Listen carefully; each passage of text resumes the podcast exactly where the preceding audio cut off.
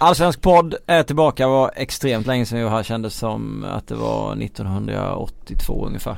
Men nu är vi där i alla fall. Ehm, gäster med gester. Eh, Frida Faglund och Kalle Karlsson, välkomna. De sitter och gestikulerar som galningar inne hela tiden. Är det så? Ja, jag ser ju eh, Det gör ju inte ni. Eh, kanske tur det. Hur, eh, hur mår ni? Frida är full av skratt. Kanske lättare för dig att prata Kalle. Eh, ja, Frida är lite fnittrig här. Jag vet inte, det är dina försök till intron i podden som ja. det, det, får mig att dra på smilbanden också får man ja. säga. Det, du hade, det, din första försök här var riktigt bra. Det på, jag trodde det var Venga Boys du satte ja. Boom boom boom startade du. Ja. Eh, men, men, det var ju för att lätta upp stämningen. Ja, och det, det lyckades du med. Ja, hon skrattar ju fortfarande. Så att nej men det är bra för min del. Eh, lite begynnande förkylning som jag nämnde i en annan podd här. Eh, den har inte brytt ut än men den är tyvärr steget närmare att bryta ut. Mm. Eh, en jättetråkig händelse eh, för några dagar sedan. Fruktansvärd, eh, tragiskt. Eh, vi börjar där. Eh, Labinot Abutsi eh, kom besked om att han hade avlidit. Eh, vad minns ni av eh, Labbe? Vad minns man av Labbe? Man minns ju honom som en eh, spelare som eh, man, man tar ju alltid, alltså när man pratar om de här killarna från Rosengård och Malmö överhuvudtaget så jämför man väldigt, väldigt ofta med Zlatan. Eh, mm. Så blir det eh, automatiskt. Men eh, där var det ju faktiskt befogat ändå för att eh, Harbusi hade ju fantastiskt fina fötter och det var väl egentligen bara eh, hans huvud som kanske inte riktigt tog honom dit han eh, skulle kunna ha nått. Mm. Eh, och lite skador sådär också eh, mot slutet. Men eh, en fantastiskt fin spelare. Eh, nu känner man ju inte honom personligen men jag har alltid sett honom som en eh, kille som bjuder på sig själv och som eh, minns den här sketchen med när han klär ut sig till Ola Toivonen med så här blond peruk och springer runt och liksom larvar sig. Och det var väl lite så han var har man väl fått uppfattningen från de som faktiskt kände honom. Så att eh, givetvis eh, otroligt tragiskt. Jag jobbade med en mycket hängiven MFF-supporter på den tiden när han kom fram i Malmö FF. Så jag fick tidigt höra talas om för han hade koll på det var en sån där supporter som var inbiten som hade koll på juniorlag och allting. Så han, eh, han var oerhört förtjust i den liksom, nya stjärnan som kom underifrån. Han snackade hela tiden om Labinot. Vänta bara när Labinot kommer. Eh, och när han väl kom fram sen så såg man ju att det var en spelare som fick ju fram väldigt många spelare under den tiden. Mm. Många som tog sig vidare ut i den stora världen. Men frågan är om inte Labinot var den som hade det allra största spelet i sig. Um, så det är det jag minns av honom och precis som Frida säger också en Verkade vara, jag har inte träffat honom men verkar vara en väldigt skön typ också. Som bjöd på sig själv och som hade räv bakom örat ibland också. Så att eh, mycket tragiskt såklart. Han blev bara 32. Eh, jag träffade honom 2009 när det var u EM och jag minns honom som en, en, en glad eh, rolig person att prata med. Kunde säga lite vad, vad han ville och vad han tyckte sa han. Han kändes ärlig och rolig sådär. Eh, men eh, fotbollsmässigt så var det väl någonstans efter Gense Begli för en 7-8 år sedan som det inte riktigt eh, gick så mycket uppåt och sen var det mycket tråkiga klubbval och, och skador. Um, så att nej, eh, oerhört tragiskt. Um, landslaget skulle hedra honom ikväll. Så jag hoppas att det blir fint. Eller om ni, den här kanske kom ut imorgon så då blev det igår. Men ni fattar grejen. Labinot bara 32. Uh, om vi tittar på, uh, om vi stannar nere i uh, södra Sverige. Uh, Skåne. Så har ju Frida Fagerlund sitt Trelleborgs FF där nere. Och vi pratade om pikétröjor och Patrik Winqvist häromdagen. Jag tänkte att vi skulle gå vidare dit. Ja, vi fortsätter på det dystra spåret helt ja. enkelt. Um, jag, vet, jag vet knappt var man ska börja. Alltså Trelleborgs FF är ju en klubb som lever lite i, eller som ligger lite i radioskugga på något sätt för att det känns som att det är en klubb som bara finns eh, och nu har man förlikat sig med tanken på att det är ett bottenlag i allsvenskan och då är det inte så många som bryr sig om vad som händer där mm. i, i, den klubben. Eh, men jag måste uttrycka min frustration kring hur man har hanterat den här säsongen. Jag vet att inför året så, så sa jag ju att det kändes som att det var kompetent folk i styrelsen och Mm. att det var, man hade realistiska mål med säsongen. Att man skulle hänga, hänga, hänga kvar först och främst. Det var liksom inga högtflygande planer så tillvida och, och sådär. Men jag tycker någonstans att man har, har brustit i allt det här. Um, och någonstans så går det inte att komma ifrån också att det, det, är inte så många som har, har märkt av det här kanske i övriga Sverige. Uh, jag reagerade på en sak som kommentatorn under uh, Blåvitt TFF då sa vid ett tillfälle och det var att uh, det var väl 30 pers ungefär som hade tagit sig upp till Göteborg. Ehm, några av dem stod i pikétröjor och då sa kommentatorn att eh, Eh, titta där, de, de hyllar Patrik Winqvist genom att ha pikétröja på sig. Och det, det säger någonting om hur eh, hur otroligt lite koll man har på TFF. För att sådär, det är ju den bilden jag har eh, skaffat mig genom eh, tillförlitliga källor ska sägas. Det är att sådär ser det inte alls ut eh, i klubben. Man eh, man inledde ju, man gjorde ju en viss förändring i, i TFF när man tog in eh, Tom Prahl som någon sorts eh, rådgivare istället för att sparka då Winqvist helt. Men med facit i hand så har väl inte det fallit speciellt väl ut. Man kanske skulle varit lite stursk och bara liksom gjort en hel ut Ja men gjort en, gjort en hel förändring i, i staben för att verkligen ge allt man hade för att hålla sig kvar. Sen, hade Prahl varit intresserad överhuvudtaget av att ta huvudtränarrollen? Nej det, det vet jag ju inte. Det är ju det är svårt att, att säga. Jag kan tänka mig att han kanske hade jag kan ändå tänka mig att han hade kunnat ställa upp det året ut i alla fall. Alltså mm. inte att han hade varit kvar permanent, det tror jag inte han, han hade orkat. Nej. Men och låta honom ha de här månaderna för det är ju ganska mycket i, eh, liksom, i, i tränare, alltså Winkvist roll som tränare som inte har fallit väl ut. Alltså både rent taktiskt och sen vet jag också att man inte riktigt varit ense med, med spelartruppen riktigt hur man ska spela och det, jag tror det säger någonting också att Lasse Nilsson sitter på bänken numera. Mm. Eh, som var kanske TFFs bästa spelare under våren. Det är någonting ja, som skaver där. Ja. Alltså 100 procent. Eh, och då slutar det ju med att man, nu har de inte fallit ut ur än men det, det finns ju ingenting som pekar på att man kommer hänga kvar. Och just att få sätta sin klubb i det här eh, känns så himla onödigt. Eh, och det finns så himla många grejer som man hade kunnat göra betydligt bättre. Men med facit i hand, det är en eh, sämre trupp egentligen än vad ja, de hade förra året. Eh, det finns en, ett gäng spelare tycker jag som absolut inte håller allsvensk klass. Um, sen finns det väl några ljusglimtar i och för sig. Kan ju lyfta Felix Hörberg som jag väl tyvärr tror man inte kommer få behålla kanske. Han kommer nog sticka någon annanstans. Jag skulle nog lä lägga mina pengar på att det blir Helsingborg kanske. Mm. Med tanke på att det ligger nära till hands sådär. Uh, men det är trist. Det är trist också när man, uh, det vet ju alla som är supportrar, att det är trist när man bryr sig om ett lag väldigt mycket och så, så är det bara så här. Uh, så här platt. Det är, det är, ja, det, det, det är tråkigt bara. Det är inte kul. vi gjorde ju en Premier League-podd tidigare då som eh, där vi pratade om bland annat Newcastle så jag vet precis hur det är. Du behöver inte kolla än så. Det... Och, man, och, man vet ju också om att jag, jag, vet att jag kan tänka mig att många Blåvitt-supportrar också är rädda för det här ifall man skulle trilla ur. För mm. att nu Superettan har ju blivit en sån där typ av liga där det finns väldigt många starka lag och starka klubbar som slåss om de här platserna till allsvenskan. Det är inte så lätt att ta sig tillbaka. Det krävs ganska mycket. Så det här var ju på något sätt once in a lifetime känns det nästan som att man hade chansen att försöka hänga sig kvar. Och... Men trots alla de här problemen och trots att det inte har sett bra ut och att han, eh, man kan definitivt eh, ifrågasätta taktiska val och byten och, och saker som man har gjort. Så är de ju bara en frispark ifrån att ta tre poäng. Vilket skulle betyda att de hade haft tre poäng upp till BP och en kvalplats. Så att, och hade då IFK Göteborgs ja, fyra, lag... fyra poäng i så ja, fall. Ja, ja, men då hade de ju liksom ändå klivit ja, hade IFK Göteborg sen slagit BP eh, och sen de tagit en trea då har de ju varit där och nosat. Då hade du varit nära en kval, mm. kvalplats. Men det är också för att allsvenskan eller det är så många lag i allsvenskan som håller en sån extremt låg nivå sett till dem där uppe.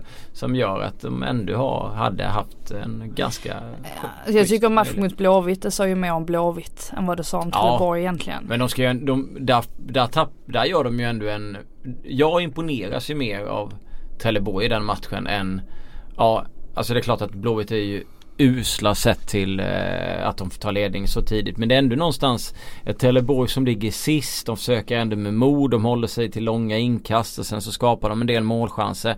Tycker de spelar bättre fotboll än Göteborg med en sämre trupp och på bortaplan vilket kan vara lite så svårt. Eh, men så så sätt så eh, men jag håller också med dig om att det säger ganska mycket om Göteborg som när man får ledningen i den situationen väl efter 118 sekunder måste kunna bestämma den matchen. Jag, jag tyckte det mest eh, anmärkningsvärda var ju när, när Poja efter matchen sa att det sämsta, ja. det sämsta som kunde hända var att vi tog ledningen. Mm. Det där har man ju, alltså det är inte, jag, jag har aldrig hört en tränare säga på det där sättet egentligen. Eh, man kan förstå vad han menar men, men det säger oerhört mycket om vilken eh, vilken brygga Blåvitt är i eh, rent mentalt. Om inte annat. Ja det fanns ju något sånt där bevingat inom ishockeyn att det sämsta var att leda med 3-0. Som mm. folk sa och upprepade gång på gång men som egentligen hade ganska liten bäring med verkligheten. Det ja. var egentligen ganska bra att leda med tre mål i hockey även om det ibland någon gång då och då hände att ett lag hämtade upp ett tremålsläge i hockey.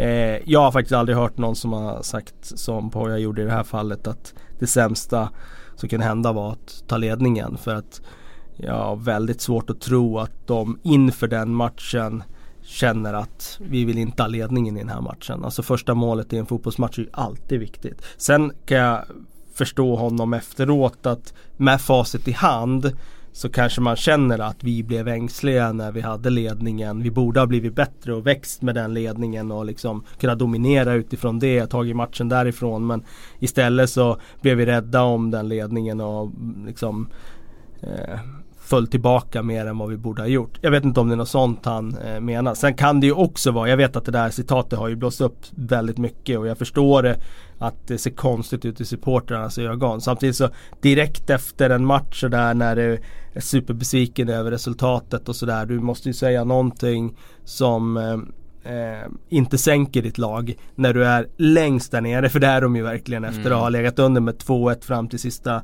sekunderna hemma mot Trelleborg i världens, eh, jordens ödesmatch. Alltså det kan ju, de kan ju inte vara längre ner. Nej.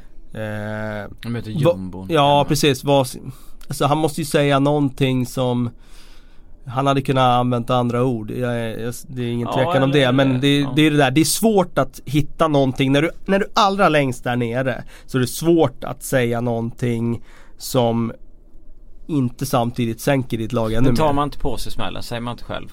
Att det här får jag ta på mig för att eh, han står inför matchen och säger vi ska gå in till den här matchen med inställningen att vi ligger under. Och så kvitterar han ju då när han gör det här tidiga målet. Då måste han ju ha sagt att om vi nu kvitterar tidigt så ska vi göra så här och så här och så här. Det måste finnas en plan men efteråt när han säger det där så blir det ju Men jag tror också sådär, konstigt. jag håller med dig om att du som tränare kan ju gå ut och säga att jag tar på mig det här och så. Men, men, men jag tror att är du en tränare i den situationen att du har självförtroende och allt flyter på och sådär. Då är det lätt att göra det.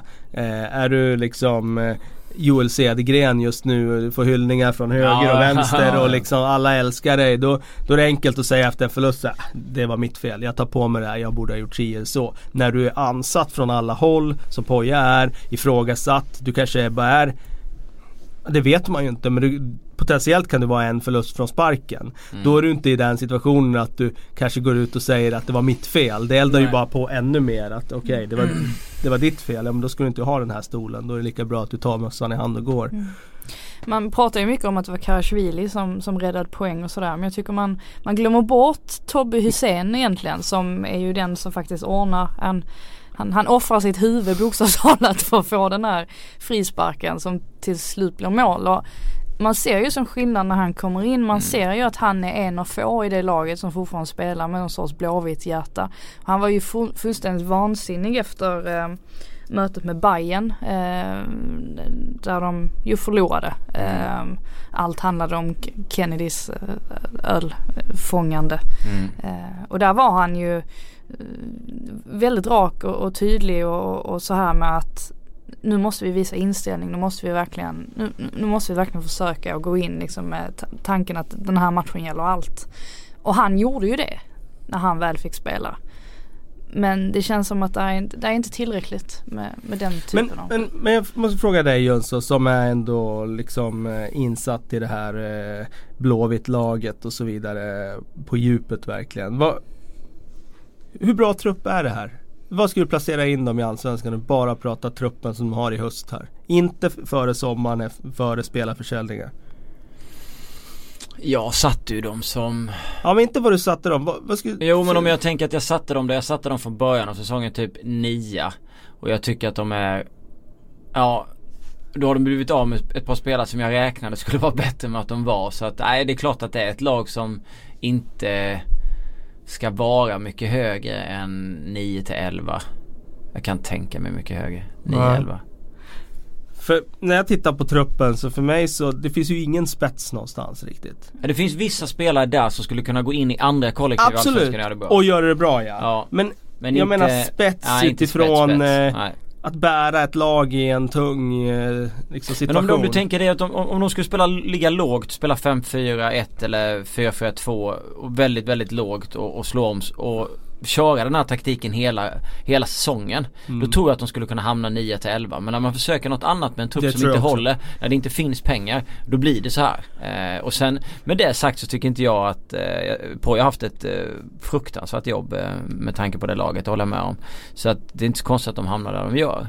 Um, alltså jag har aldrig hållit med om det här att han ska få, få kicken och sådär. Nej, jag, jag har inte nej. sett honom som problemet. Det är Mats Gren jag tycker ska ja. försvinna för att han har gjort ett dåligt jobb och gett han en dålig trupp. Och han Absolut. är ju också borta nu.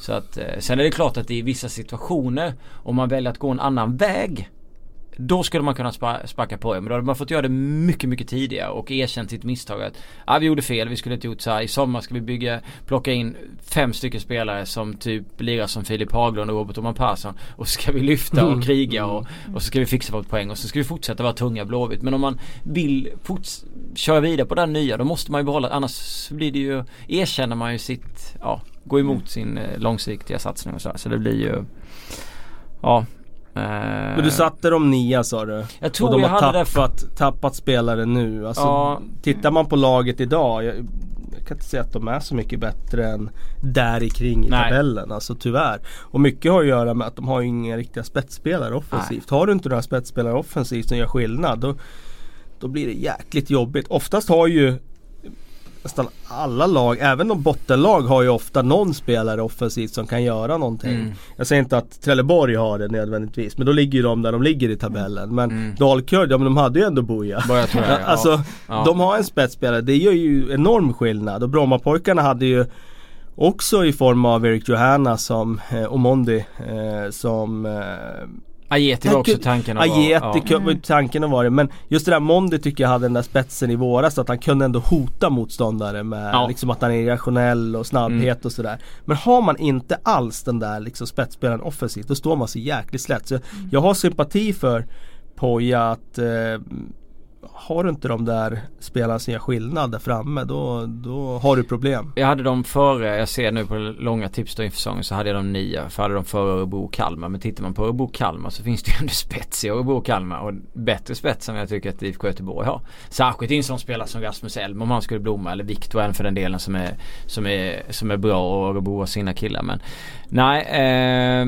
men Eh, så jag köper det fullt ut. Men jag tror ändå innan det här uppehållet eller precis när uppehållet hade, hade startat och sådär innan och runt omkring där innan egentligen Gren fick kicken så var jag helt liksom inställd på att, alltså jag lutade åt att det skulle bli ett kvalspel för IFK Göteborg för att jag kände att det fanns ingen annan väg att gå mm. efter den här svaga insatsen mot Trelleborg. Men efter att de gör sig av med Gren, plockar in lite fullt blod. Det har inte kommit några nya spelare, absolut det har inte kommit några nya spelare. Men jag tror ändå att de kommer lösa det här. Mm. Eh, jag ska inte säga att det är enkelt men jag tror absolut att de löser det utan kval. Och det känns bara för, för att de insåg allvaret i det. Ett, det kändes inte som om de gjorde det ibland. Det känns som att man såg samma typ av intervjuer, samma typ av misstag och det bara rullade på. Så, men nu känns det som att man har insett allvaret i det. De har plockat in två gamla spelare som är med på träningar och, och det blir ändå en liten frisk fläkt även om de inte har bytt tränaren. Eh, vilket jag tror eh, ja, kommer påverka dem positivt. Sen vill jag ju som du var inne på Tobias Hysén. Han, det är inte meningen att han ska vara en startspelare. Det är inte meningen att han ska vara en stjärna. Men det finns ingen som har den intelligensen mm. på fotbollsplanen som när han är med. Han styr liksom pressspel och han styr och ställer hur mycket saker som helst. Och han spelar kanske 20-25 minuter. Då är de som bäst varje mm. gång. Eh, oerhört intressant faktiskt. Och det säger väl någonting om deras offensiv ja, då? Att det gör det verkligen. Liksom Hussein som är till åren och som ska lägga av och så vidare. Mm. Att han ändå gör som skillnad när han kommer in. Ja, Sen tycker jag att det är, alltså alla de där förändringarna som innebär att det kommer in en Tom Prahl ovanför mm. någonstans i en rådgivarroll. Att Stiller och eh, Hjalmar kommer in i någon slags eh, förstärka ledarteamet.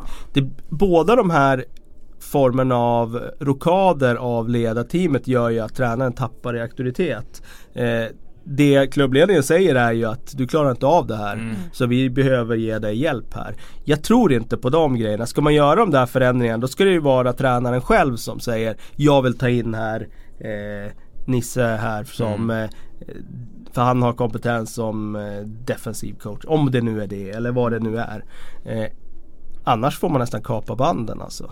Jag är inte säker. Ja, det går Går det att hitta exempel på där de här rådgivarrollerna har gett lyckat resultat?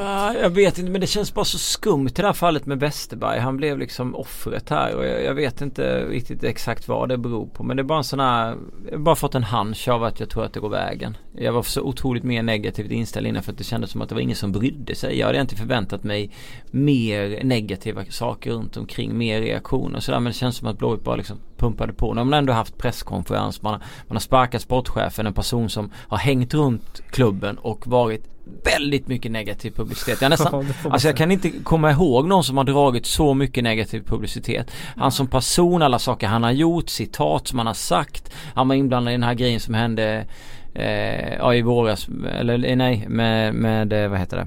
Den matchen som sköts upp mot AIK. Han, hade, han sa massa saker. Alltså det finns så mycket grejer.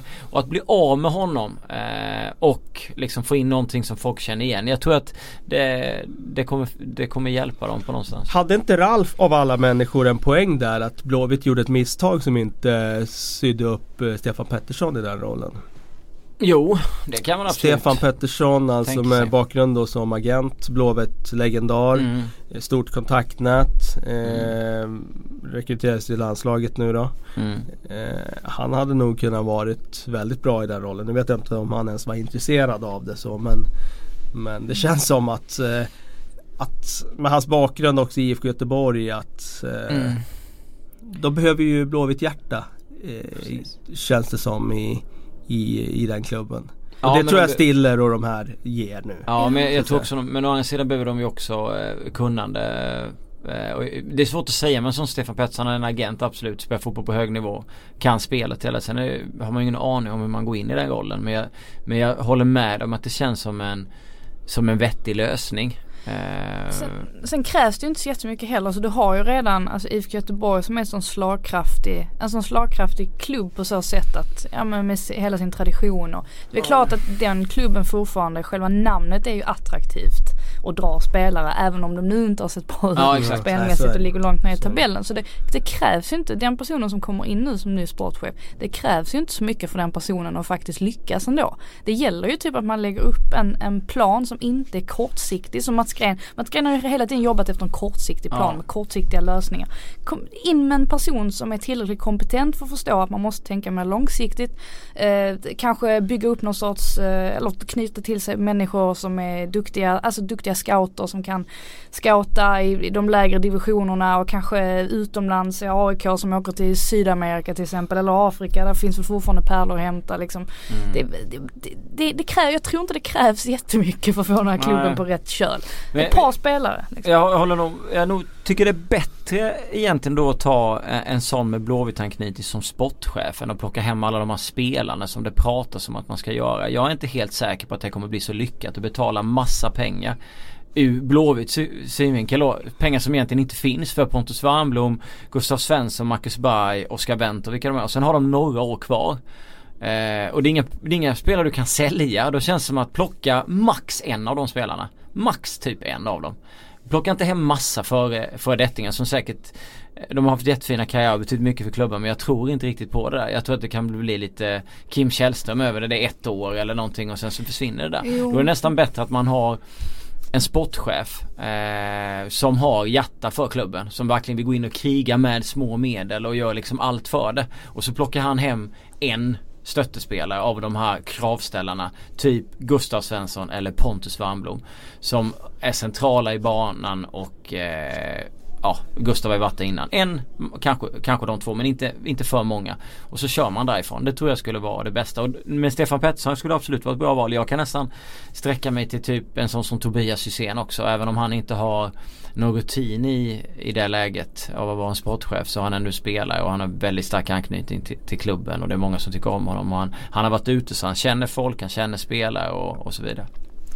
Eller så som eh, det har varit på tapeten nu att man skulle ha en delad roll. Eh, nu vet jag inte hur mycket ekonomi som finns för så men säg att man hade tagit in en sportchef och Tobias Hysén som en eh, assisterande sportchef så att säga. Det är en ganska stor arbetsbörda får man mm. säga den rollen. Så att jag tror det skadar nog inte att vara, vara två.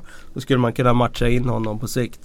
Eh, men eh, kan de säga nej om den här typen av spelare som Oskar Wendt, Gustav Svensson, Wernbloom, Marcus Berg står på kö för att komma hem. Det tror jag inte. Utan då handlar det nog bara om att gå till näringslivet och säga att eh, vi har en jättechans här att få hem dem här. Men du förstår och... tänket, man plockar hem dem och lägger pengarna på dem Absolut. och sen men, men sen så kan det ju bli en, man kan få ut mycket annat ju av att plocka hem ett par spelare som Djurgården till exempel fick ändå med Isak och Kim och Jonas Olsson. Att även om man med facit i hand kanske det, kanske, det har ju kostat mycket pengar så är det ju, de har ju inte spelat så länge och de, ingen av dem, nu kommer både Jonas Olsson och Isak och så sluta efter bakåt säsongen. resultatmässigt med sämre i år än innan. Absolut, Högre men, publiksnitt. Ja, ja exakt. Och plus att de har ju lockat andra spelare. Jag menar Erik Johansson, jag tror inte han hade valt Djurgården om, ja. om det inte hade varit för för dem, alltså jag, jag tror att det, det, kommer ur mycket annat genom att plocka några sådana spelare. Ibland måste man göra de där sportsliga satsningarna som man vet om. Man tappar pengar på det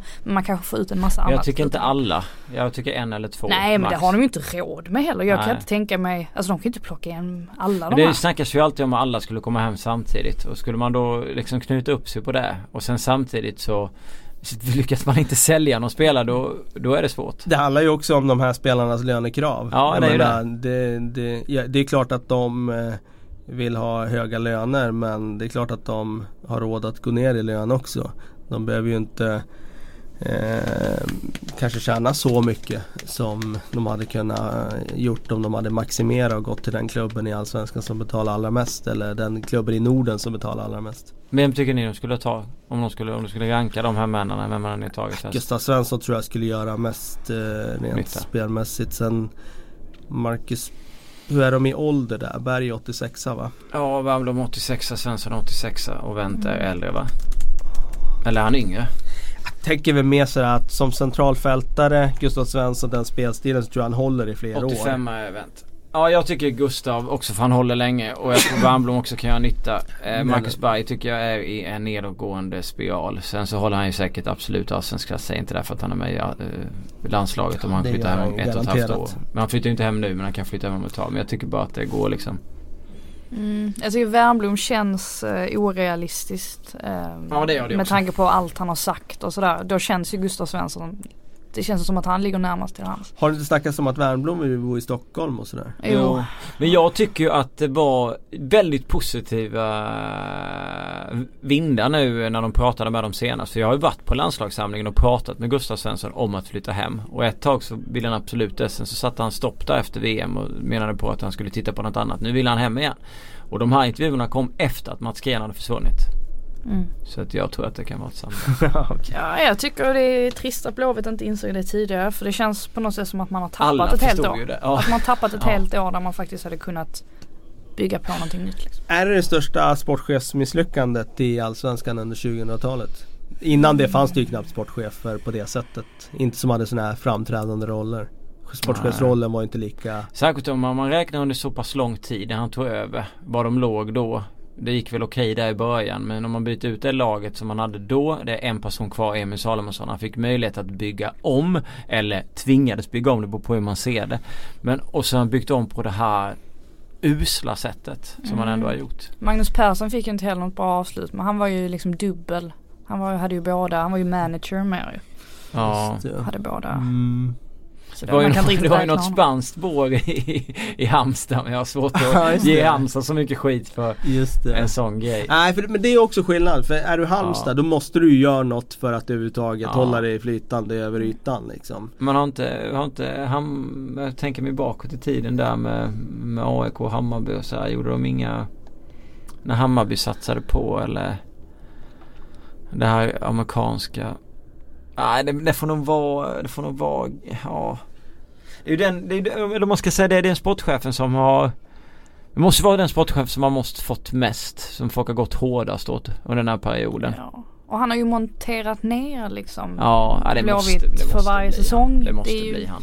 Det är det som är så, de var ju ändå in, alltså de har ju bara sjunkit och sjunkit och sjunkit Ja. och sjunkit. Och ingen har liksom gjort någonting Nej. åt det. Han har ju skapat kaos i klubben med. Förra sommaren var det ju kaos där på som när eh, de bytte folk i ledning och, och sådär. Så att ja det har varit mycket sådana grejer. Mm. Men nu är det över. Ja, nu är han borta. Eh, han har fått lågt betyg. Many of us have those stubborn pounds that seem impossible to lose, no matter how good we eat or how hard we work out. My solution is PlushCare. PlushCare is a leading telehealth provider with doctors who are there for you day and night to partner with you in your weight loss journey. They can prescribe FDA-approved weight loss medications like Wagovi and Zepbound for those who qualify. Plus, they accept most insurance plans. To get started, visit plushcare.com slash weight loss. That's plushcare.com slash weight loss.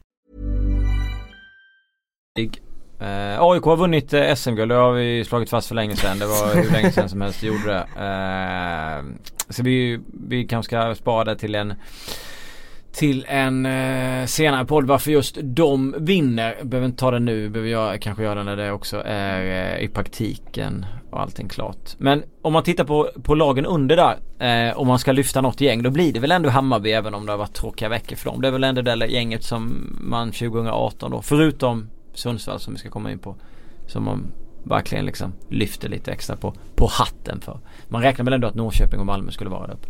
Ja absolut och som sagt vi har ju sagt detta förr att det råder inget tvivel om att eh, Hammarbys spelarmaterial var väldigt väldigt bra eh, inför säsongen. Eh, men det ska sättas på plats också Mm. eh, och det var en eh, hyfsat oerfaren tränare ändå får man ju säga. Han, inte, han har många års eh, tränarerfarenhet så tillvida men inte på inte för att vara huvudtränare för en så pass stor klubb som Hammarby ändå är. Han var inte sugen Eh, heller. Nej, nej. Han blev nog mer och mer sugen liksom efter, allt eftersom. Ja. Eh, och det har ju visat sig vara en eh, perfect match. Och han har ju verkligen satt saker och ting på plats. Jag tycker de har klarat av det bra också så tillvida att om det har varit spelare borta så har de haft andra spelare. Alltså de har en väldigt bred trupp och eh, har lyckats rotera på ett bra sätt. Och Djurdjic tycker jag har varit fantastisk hela säsongen. Jätteviktig för dem Mm. eh, Junior som också har fortsatt vara, vara bra. Så att det är mycket positivt att ta med sig för Hammarby. Sen är det klart att eh, jag förstår gentemot supporterna att det måste kännas tråkigt att tappa liksom när det är som, när det är som viktigast. När man verkligen måste hänga fast liksom, så, så, så tappar man successivt. Men eh, AIK har varit starka i år. Det, det råder ju ingen, ingen tvekan om det. på, bäst utan tvekan. Mm. Eh, jag vet att vi har suttit i den här podden och sagt att Stefan Billborn skulle bli ny förbundskapten va? Mm. Stack ut hakan nu. Ja. Vad tror du Kalle? Ehm, jag tror att hans fotbollsfilosofi ehm, är lite för eh, Positiv. Ja, för positiv och för mycket eh, Vad ska jag säga? Om man tar hans fotboll nu som de spelar med Hammarby nu så är det ju nästan diametral motsats med det som svenska landslaget gör. Eh, I alla fall i viktningen rent offensivt kontra defensivt. Sen finns det överensstämmande punkter med vad de gör i uppspel och så vidare men jag tror inte att... Eh, jag tror att han är oerhört kompetent tränare Billborn. Eh, på att sätta, liksom utveckla spelare, eh, spelet och så vidare. Men jag ser inte riktigt förbundskaptensgrejen i honom idag i alla fall. Jag ser honom mer som en väldigt skicklig klubbtränare. Eh, och spelarutvecklare snarare än förbundskapten. Sen vet ni ju att jag är inte så förtjust i förbundskaptensrollen i så. Utan jag tycker snarare att det har blivit um, de sämre tränarna är förbundskaptenerna och de bästa tränarna i klubbfotbollen.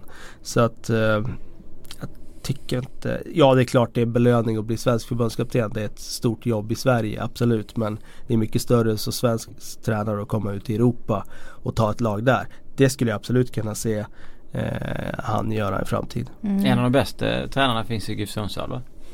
Joel Cedergren? Eh, ja, det är svårt att jämföra dem så men det han har gjort under året eh, Cedergren är ju imponerande med tanke på den budgeten som, som de opererar med där.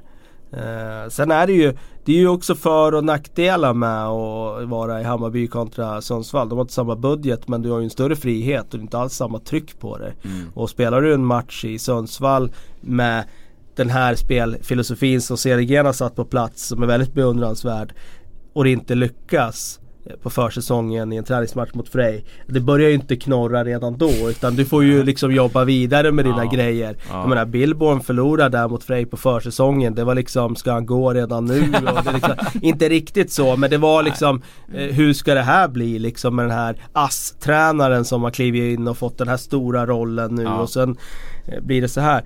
Du får ju en annan, eh, en annan eh, arbetsro i GIF Sundsvall. Det tror jag är en sån som Sergen har mått jäkligt bra av att ha.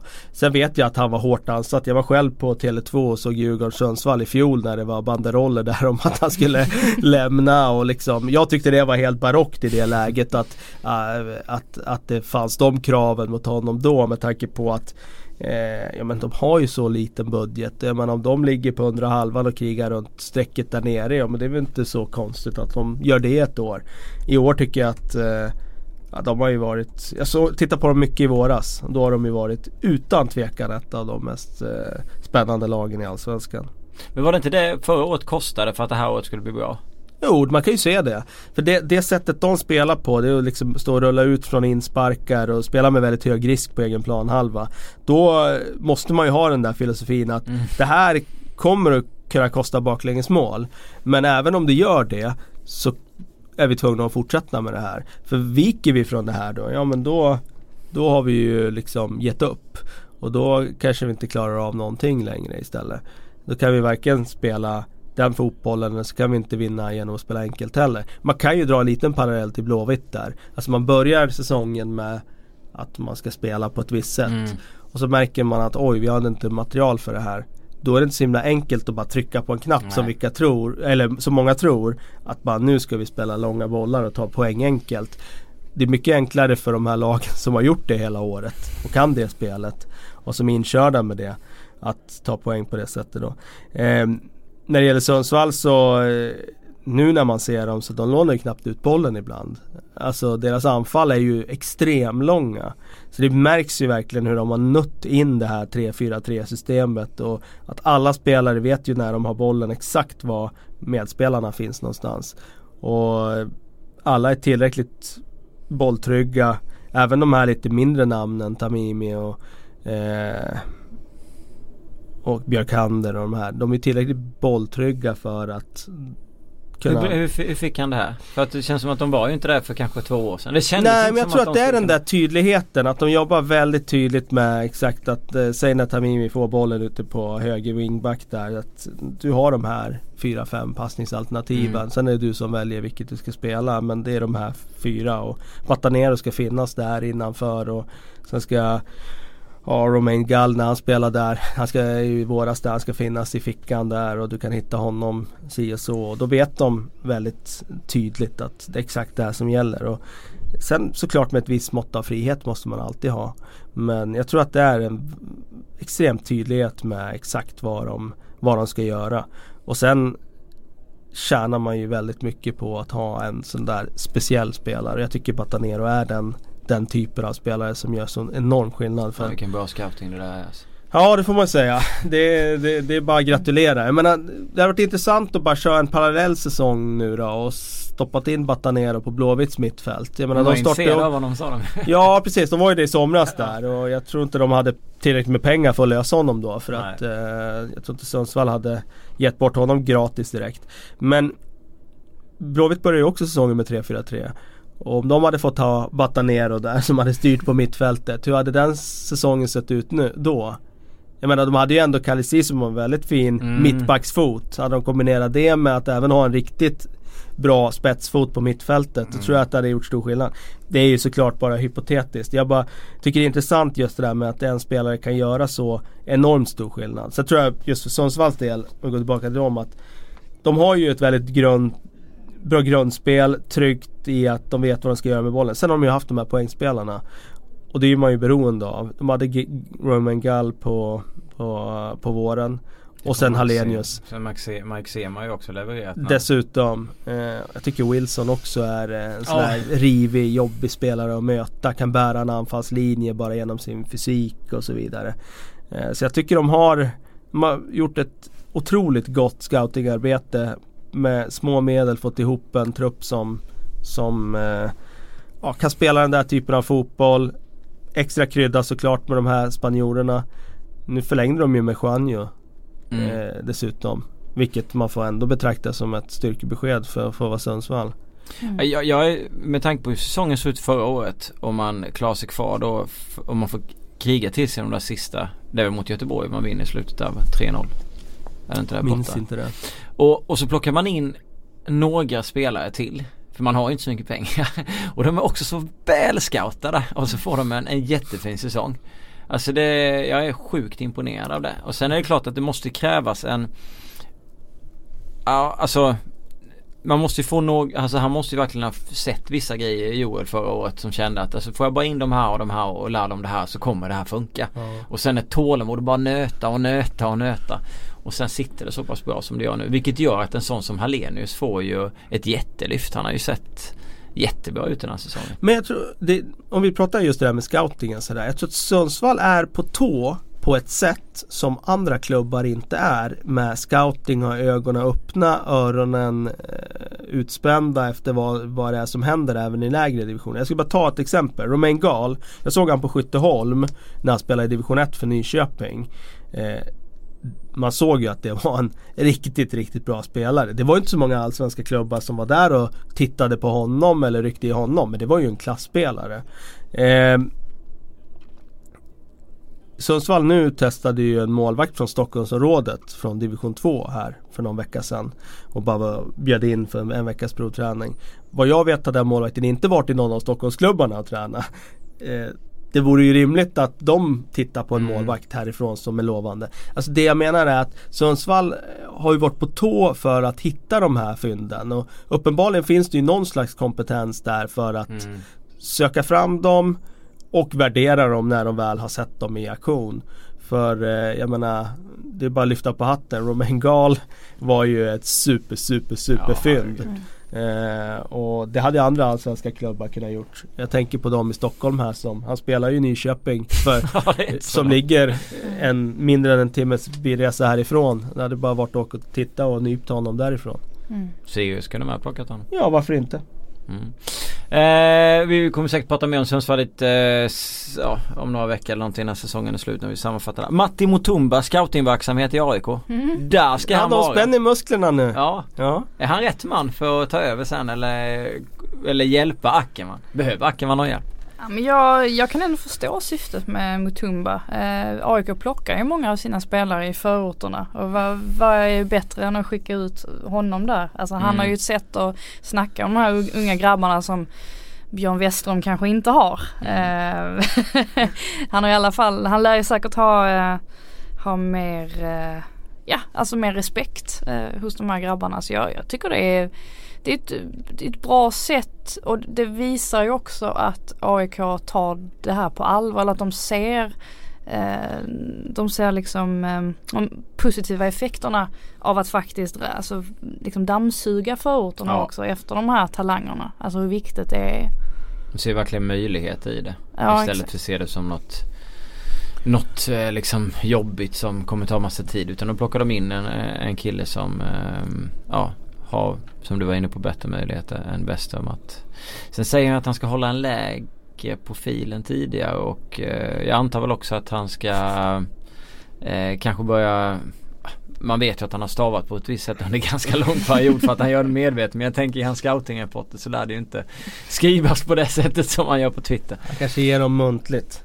Ja. Nej men jag tror AIK har ju haft en ganska stark ställning i de där norra förorterna också Mm. med sådana ambassadörer som Henok Goitom och, och Bojan Djordjic som är riktiga aik eh, och som också har väldigt väldigt eh, eh, goda kontakter och en jätterespekt där ute i de områdena. Så att de har nog ett ganska starkt grepp där nu och de har Mutumba med på tåget också.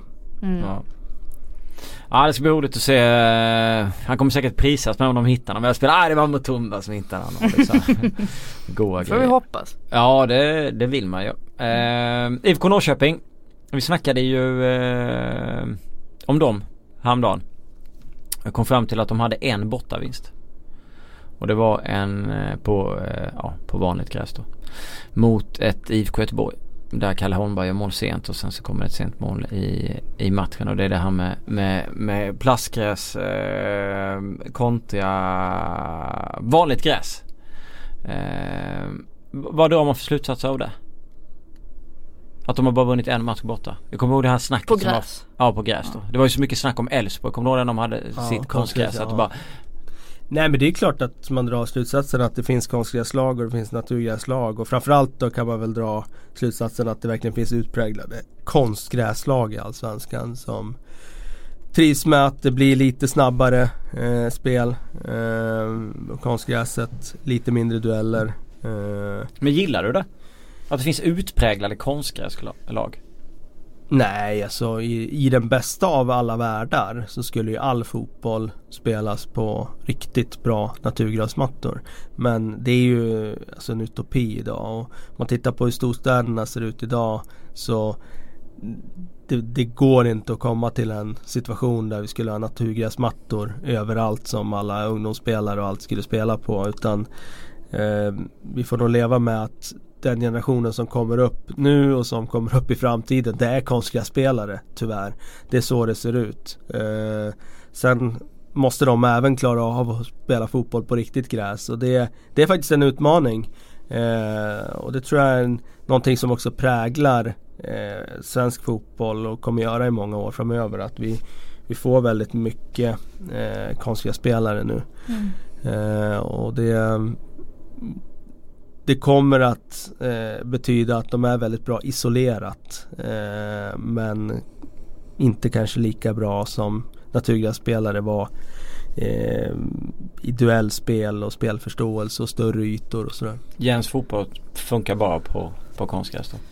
Ja, upp, uppenbarligen. Ehm, sen är det väl lite, alltså konstgräs fyller ju en jättebra funktion i, inom svensk fotboll. Alltså jag vet ju när Håkan Eriksson och de hade kvalificerat sig för, för EM där en andra gång u landslaget så, så lyfte han ju fram att det finns, fanns tre aspekter liksom som var avgörande för att svensk eh, ungdomsfotboll gick så himla bra. Och det var bland annat konstgräs, att vi har helt andra träningsmöjligheter än vad man hade Mm. för bara 25 år Ja, sedan liksom. precis.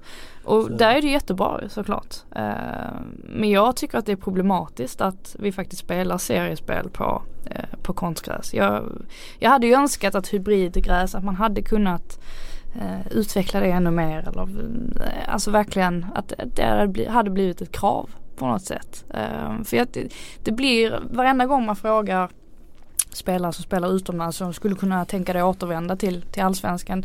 Då är oftast konstgräs ett Ja, argument just det. för att de Mm. inte vill dit. Fast det är nog också lite, är det inte lite en... eh, Generationsgrej. Ja dels generationsgrej men också en sån där att eh, man kanske anger det som skäl men det kanske ändå är att man tjänar lite bättre där ute i Ja, Europa man. liksom. Man stannar kvar. Man vill inte låta för girig man är svensk jag, liksom. i, ligger i själva verket är eh, anledningen att nej, jag vill stanna ett par år till och skaffa mig en pensionsförsäkring. Ja. Men det är enklare att säga nej men jag vill inte spela på konstgräs. För det Men är jag vet, som... jag vet att Seb var ju helt, han var ju helt chockad efter eh, eh, Alltså efter att han hade, jag åkte ju till Midtjylland ju och spelade på konstgräs för första gången han spelade typ eh, en match Ja. På konstgräs och han var ju inte, han var ju inte glad efter den matchen. Han tyckte ju liksom inte att vad, vad fan är det här liksom. Nej. Men det är man kan inte gå, man kan inte är gå det tufft in i Nordsjällands? närkamp och Ja Nordsjällands. Nordsjälland och Det var ju där Robin. Olsson skadade sin eh, axel var det inte det? Ja det var det kanske också. För att den det har hänt planen är mycket dåligt som... ja, den typen. Nej Ja, men jag tycker det, det i den bästa av världar så Mm. precis som ni säger så hade Sen är det ju också intressant med, det kommer ju liksom, nu är det den generationens konstgräs och nu, jag vet inte vilken generation vi är nu på, om det är fyra eller fem eller vad det är. Men man undrar ju sådär, det finns ju så mycket innovationer i världen, kan man inte komma närmare riktigt gräs? Ja, alltså känslan av riktigt gräs, kan man inte komma närmare det? De konstgräsmattor som läggs idag är ju, jag tycker att de är fantastiska. Om man tar Grimsta till exempel som är ett av Sveriges bästa konstgräs. Den är ju det är en helt underbar matta att spela på. Men eh, det är ju inte riktigt gräs. Eh, det är Nej. inte alls samma sak och det är klart att eh, man skulle kunna önska att, att vi kom ännu närmare det. Håbo var han skadade sig i en axel men Nordsjälland stod han över sen han gjorde comeback och kom tillbaka och jag tror att det kan haft att göra med den konstgräsplanen. Det var något sånt, han spelade inte den. Du har mycket onödigt kunnande i ditt Ja men jag vill ändå rätta mig när jag är ute fel. Eh, lite frågor. Gustav Nordlöf frågar vilket lag slutar sjua nästa säsong? ja, men, GIF va? Sundsvall. Sjua i år, sjua nästa år.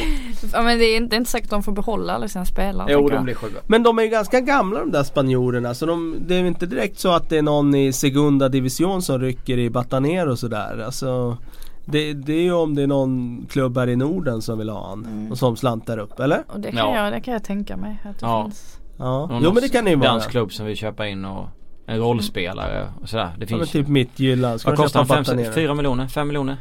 Ja, jag vet inte. Det Någonstans beror ju på vad man sätter för prislapp på han. Jag kan ju tycka att man ska kräma ut mer men då har du ju hans ålder där då. Mm. Eh, Håkan Lövgren, kommer Kalmar ta några fler poäng i år? Jag tror på två.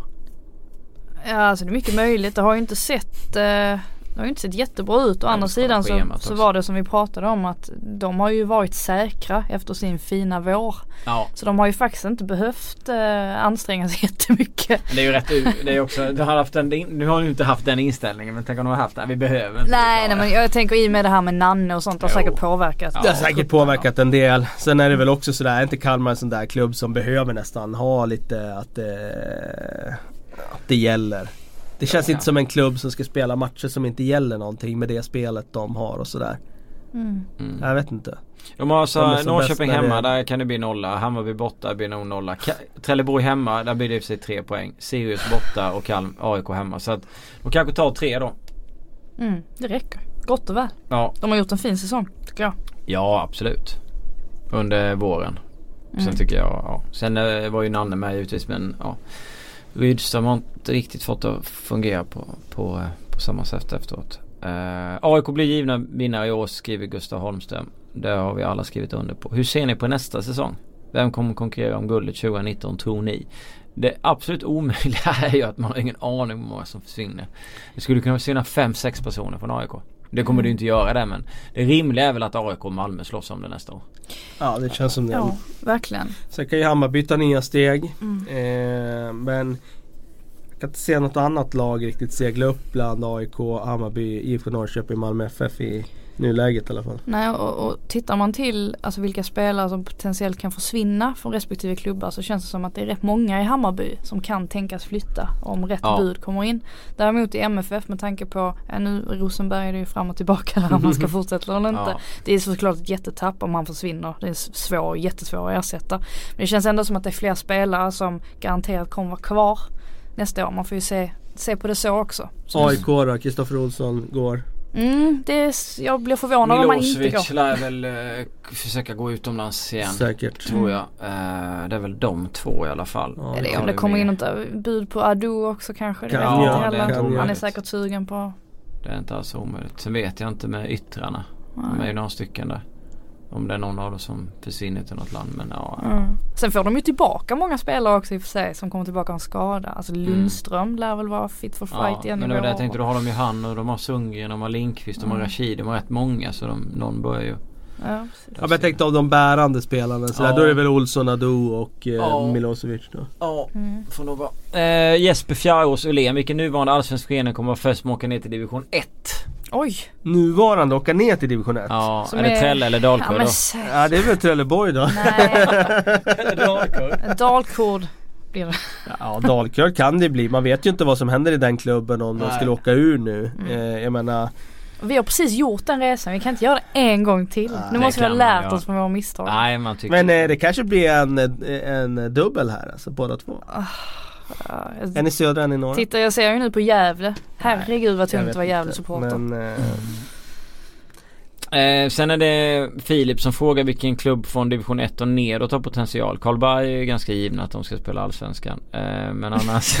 vi, vi ligger i och för sig inte i division 1. Nej men, Nej division 1 och neråt var det. Men jag, Jaha, Mjällby. Nej, och men jag Västerås. Tror, jag tror väl- Västerås SK faktiskt. Inte bara för att jag själv är från Västerås. Men jag tror att det finns en potential i den klubben om man får rätt sida på saker och ting. Det har väl varit lite si och så med det de senaste 20 åren i den staden. Men Mm. sen Victor Nilsson Lindelöf pengarna kom in där så finns det i alla fall förutsättningar som är väldigt bra. Och det har inte funnits ekonomiskt någon gång. Sen har de dessutom ett stort fotbollssug där. Så de har ju dragit väldigt stora publiksiffror nu i division 1. Och de kommer öka ytterligare om de nu eh, skulle säkra platsen upp till Superettan nästa år. Jag tror absolut att det finns potential där att bli ett topplag i Superettan redan nästa år. Eller i alla fall etablera sig i Superettan Mjällby också, eller? halvan. Mjällby har ju definitivt, jag menar de har ju gått upp och ner under 2000-talet till Allsvenskan. Det är klart att de skulle kunna eh, göra resan uppåt igen. Mm. Kloka ord från en klok man. Absolut. Är det så vi sammanfattar det? Absolut. Eh, som vanligt är podden alltid längre än vad man tänker att den ska vara. Men eh, tack för att ni har orkat sitta med och lyssna om ni är fortfarande är kvar. Och tack för att ni kommer att sätta er här i studion, Kalle och Frida. Ni får ha det så bra eh, där ute. Sköt om er.